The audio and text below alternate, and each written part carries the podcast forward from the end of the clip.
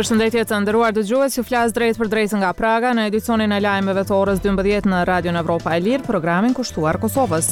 Në 15 minutat vijuese ju shoqërojmë producenti Mahir Elshani dhe unë Krenare Cubolli. Fillimisht ju njoh me titujt kryesorë. Presidentja e Kosovës Vjosa Osmani paralajmëron ndërtimin e një qendre rajonale për gra dhe siguri në partneritet me Shtetet e Bashkuara. Buxheti që u ka ndarë Kosova komunave me shumicë serbe besohet që në disa raste është shpenzuar në forma të dyshimta. Nga zhvillimet në botë, NATO-ja është e përkushtuar që Ukraina të fitojë, thotë shefi i aleancës Jens Stoltenberg në prag të përvitorit të dytë të luftës së nisur prej Rusisë. Për këto dhe materiale të tjera, vazhdoni të qëndroni me ne. Radio Evropa e Lirë, burimi juaj i informimit. Presidentja e Kosovës Vjosa Osmani ka bërë të ditur sot për ndërtimin e një qendre rajonale të ekselencës për gratë, paqen dhe sigurinë në bashkëpunim me zyrën e sekretarit amerikan të shtetit Antony Blinken. Në deklarimin e saj në konferencën rajonale parlamentarizmi dhe rezoluta 1325 perspektiva nga Ballkani Perëndimor, Osmani ka thënë se Kosova ka qenë një prej katër shteteve të zgjedhura për krijim të qendrës. Ajo nuk ka dhënë më shumë detaje për këtë projekt, por ka përmendur që përmes saj pret të konsolidohen gjithnjë e më shumë partneritete të reja me rajonin. Këshilli i Sigurimit i Kombeve të Bashkuara pati miratuar në vitin 2000 rezolutën 1325 për gratë, paqen dhe sigurinë. Kjo rezolutë nxit shtetet anëtare të OKB-së që të sigurojnë një përfaqësim më të madh të grave në të gjitha nivelet vendimmarrëse. Kosova ka ndarë buxhet prej mijëra eurosh për komunat me shumicë serbe në sektorët e arsimit dhe shëndetësisë. Një analizë e Radios Evropa e Lirë ka gjetur se paratë në disa raste janë shpenzuar në forma të dyshimta. Punëtorët e këtyre sektorëve në komunat serbe kontrollohen prej shtetit serb, i cili deklaron se ndan miliona euro për serbët në Kosovë në baza vjetore dhe i paguan ata në dinarë përmes një sistemi paralel. Më shumë hollësi nga Doruntina Baliu. Dhjetë komuna me shumicë serbe në Kosovë kanë pranuar ndër vite fonde nga buxheti i Kosovës për paga të punëtorëve në sistemin arsimor dhe shëndetësor. Megjithatë, këta dy sektorë në këto komuna punojnë kryesisht nën sistemin e Serbisë dhe pranojnë paga edhe nga buxheti i këtij vendi. Radio Evropa e Lirë ka gjetur se në disa raste, buxheti i Kosovës i ndarë për ta, është shpenzuar në forma të dyshimta. V.P., një, qytetar serb i komunës së Leposaviqit, pjesa veriore e Kosovës, ka pranuar dy paga si punëtor i një shkolle në këtë komunë për së paku dhjetë vjet, deri në vitin dy mijë e tetëmbëdhjetë. Në dhjetë komuna të Kosovës që banohen në shumicë nga serbët, përfshirë Leposaviqin, sistemi arsimor punon sipas planprogramit të Serbisë, dhe pranon fonde drejtpërdrejt nga buxheti i Serbisë. Duke folur për Radion Evropa e Lirë, Vëpiq tregon se në vitin dy mijë e shtatëmbëdhjetë ka marrë një kontratë me kohë të pacaktuar nga komuna, sipas ligjeve të Kosovës, edhe pse ka pasur një kontratë aktive me sistemin serb. Edhe para asaj kontrate kemi marrë pagën nga buxheti i Kosovës. Atëherë kemi marrë para pa asnjë kontratë. Të gjithë punëtorët në sistemin serb kanë marrë para pa kontratë dhe pastaj i kemi marrë kontratat nga Kosova, thotë Vëpiq. Në shkurt të vitit dy mijë e tetëmbëdhjetë, shton ai, pushteti i ri lokal në Leposaviq, i kryesuar atë kohë nga Zoran Todiq i Listës Serbe, ua ka ndaluar të ardhurat nga buxheti i Kosovës, pa ndonjë arsyetim, sipas tij. Në institucionet serbe të arsimit në Kosovë, të cilat funksionojnë që nga paslufta më një mijë e nëntëqind e nëntëdhjetë e nëntë, punëtorët, përveç pagës bazë, marrin edhe një shtesë nga shteti serb. që nënkupton se të ardhurat e tyre sillen nga nëntëqind deri në një mijë e treqind euro në muaj. Paga e mësimdhënësve në sistemin e Kosovës, ndërkaq, është nga pesëqind e tetëdhjetë deri mbi gjashtëqind euro. Vëpiq thotë se nuk ka marrë kurrë ndonjë vendim për ndërprerje të kontratës me sistemin e Kosovës. Ajo pagë, nga buxheti i Kosovës u është shpërndarë më pas disa njerëzve të partisë, Listës Serbe, që nuk kanë punuar kurrë, por i kanë marrë rrogat. thotë Vëpiq, pa specifikuar se kush saktësisht paguhet me atë pagë. Radio Evropa e Lirë nuk ka mundur t'i verifikojë në mënyrë të pavarur këto pretendime. Qeveria e Kosovës nuk është përgjigjur në pyetjen nëse e di apo ka monitoruar se si shpenzohet ky buxhet. As komuna e Leposaviqit që tani udhëhiqet nga kryetari shqiptar Lulzim Hetemi, Nuk ka mundur të japë përgjigje se në çfarë mënyre shpenzohet ky buxhet. Nuk e dimë ku kanë shkue se nuk nuk jena kon edhe kompetent me i kshyr dokumentacionet menjëherë e kom bo ni përmes emailit ni thirrje që të vijnë të krimeve ekonomike kanë ardh që dy muj ditë e gjys janë tu hetue e i kena tubu të gjitha dokumentacionet në zyrën poshtë në katin e dytë Edhe janë tu hetue, janë tu shfletue dokumentacionet ku, qysh, se, ka, kah kanë shku këto pare. Policia e Kosovës konfirmoi për Radion Evropa e Lirë se ka nisur hetime rreth keqpërdorimeve në komunën e Leposaviqit dhe se është në fazën e mbledhjes së dëshmive. Për Radion Evropa e Lirë nga Prishtina, Doruntina Baliu. Radio Evropa e Lirë, lajme që mund t'u besoni. Në vazhdim do të dëgjojmë rrëfimin e një vajze e cila ka qenë 11 vjeçe në luftë kur e ka parë nënën duke iu tërhequr zvarr nga paramilitarët serb, të cilët më pas e kanë dhunuar. Më vonë ajo i është bërë forcë nënës së përdhunuar dhe e ka bindur babanë që ajo të aplikojë për statusin e viktimave të dhunuara seksualisht gjatë luftës. Materiali i Arton Konushevcit. Ishte vetëm njëmbëdhjetë vjeçare kur pa me sy tmerrin e nënës së saj. Forcat serbe tërhoqën zvarr atë dhe disa gra të tjera. Unë dhe motrat e mia nuk donim ta lejonim të shkonte. E tërhiqnim nga rrobat. por paramilitarët e morën me forcë, thotë Flutura. Sot, tridhjetë e gjashtë vjeçare, ajo shpërthen në vaj teksa kujton ditën kur e ëma iu përdhunua gjatë luftës në Kosovë me një mijë e nëntëqind e nëntëdhjetë e nëntë. Ma shumë gratë të bukura edhe e kam mor Nënën tem në dy tentë parin e kam mor njënën Tani kam mor edhe shta gjashtë fije rafë pej gjatë ti grupit. Bashkë me njëqind persona të tjerë kryesisht gra e fëmijë, Ajo me nënën dhe motrat po strehoheshin në një shtëpi të madhe për t'u mbrojtur nga sulmet. Ishte një lloj taktike lufte e ushtrisë serbe që burrat t'i ndante nga gratë. Nuk e kujton saktësisht se sa qëndruan të sigurta në atë shtëpi, por thotë se shumë shpejt e bastisën. Thirrjet e fëmijëve përreth, mami, nënë, gjyshe, kur ata ndaheshin nga personat e dashur, i sillen ende në kujtesë. Për katër orë thotë se dëgjoi bërtimat e grave që përdhunoheshin e rriheshin vetëm pak metra jashtë shtëpisë. Atë kohë thotë se nuk e kuptonte mirë se çfarë po ndodhte. Kur erdhi pas katër orësh, nëna ime e zhveshur vetëm me një gjë në krah, kujton Flutura.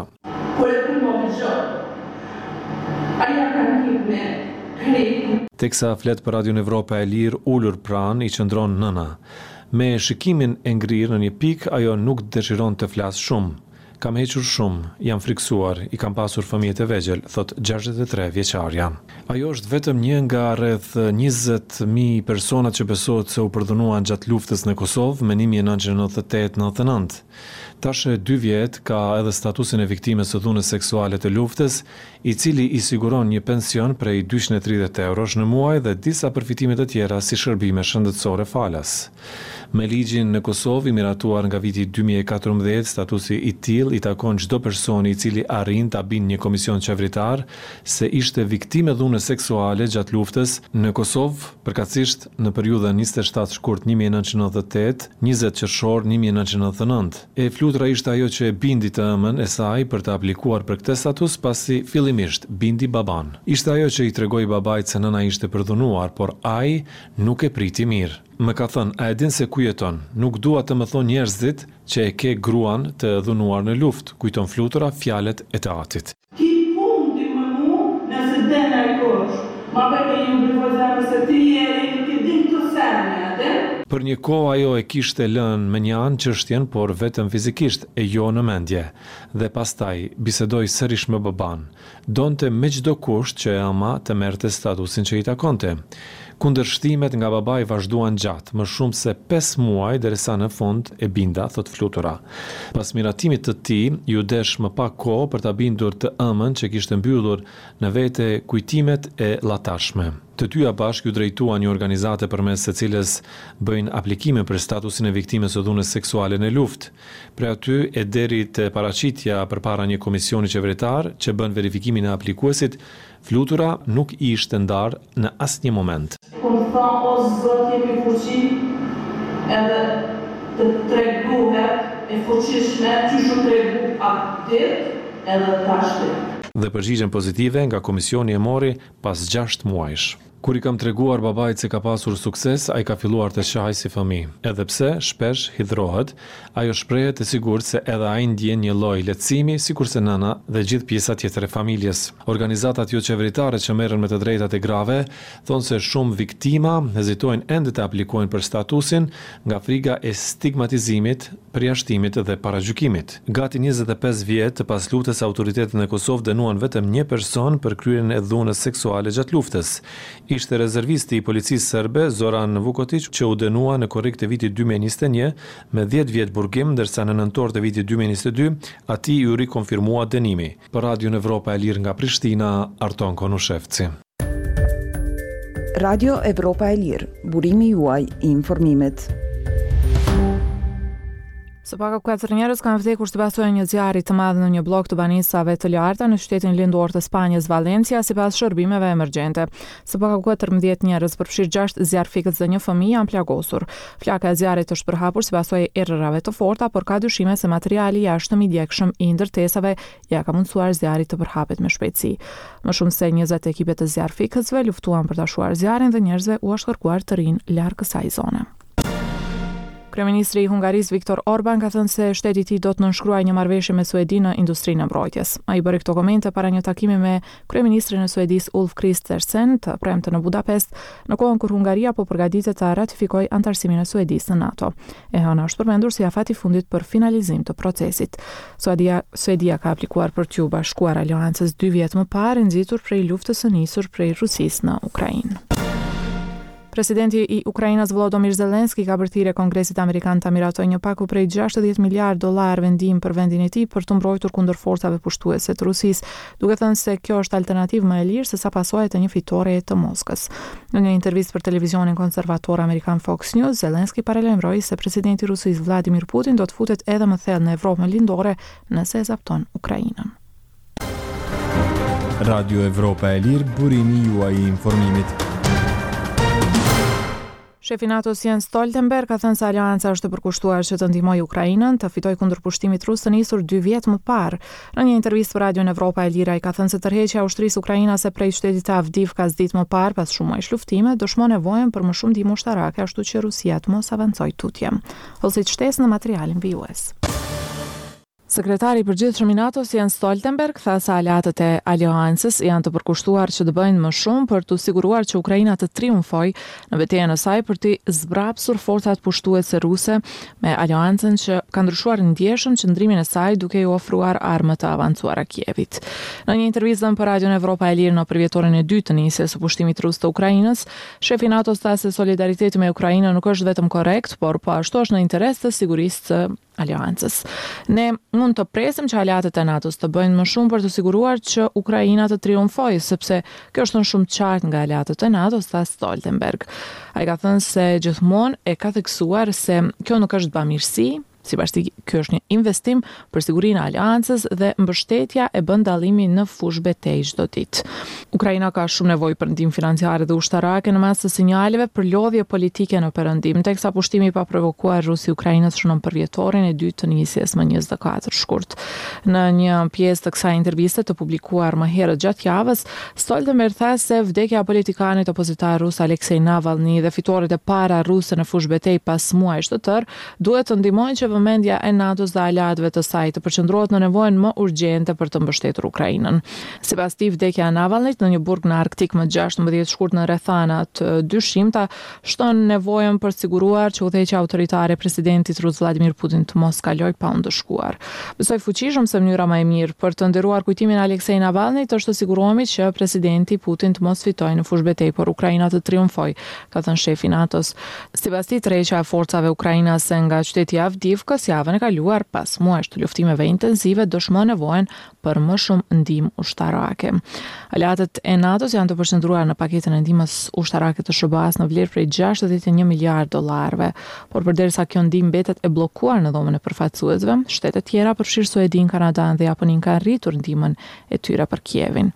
I pyetur për mundësinë që ish-presidenti amerikan Donald Trump të rikthehet në Shtëpinë e Bardhë, Stoltenberg tha se pavarësisht rezultatit të zgjedhjeve presidenciale amerikane që mbahen këtë vit, SHBA do të mbetet një aleate e përkushtuar e NATO sepse është në interes të sigurisë së SHBA-së. Stoltenberg tha se SHBA-ja është më e sigurt dhe më e fuqishme së bashku me mbi tridhjetë aleatë, diçka që Kina dhe Rusia nuk e kanë. Të nderuar dëgjues, këto kanë qenë të gjitha informacionet që kemi përgatitur për këtë edicion. Për më shumë lajme, vizitoni faqen tonë në internet evropaelir.org. Jemi aktivë edhe në rrjetet sociale në Facebook, X, Instagram dhe YouTube. Unë Krenare Cubolli dhe producenti Mahir Elshani ju falënderojmë për vëmendjen. Nga Praga, bashkë mirudëgjofshim.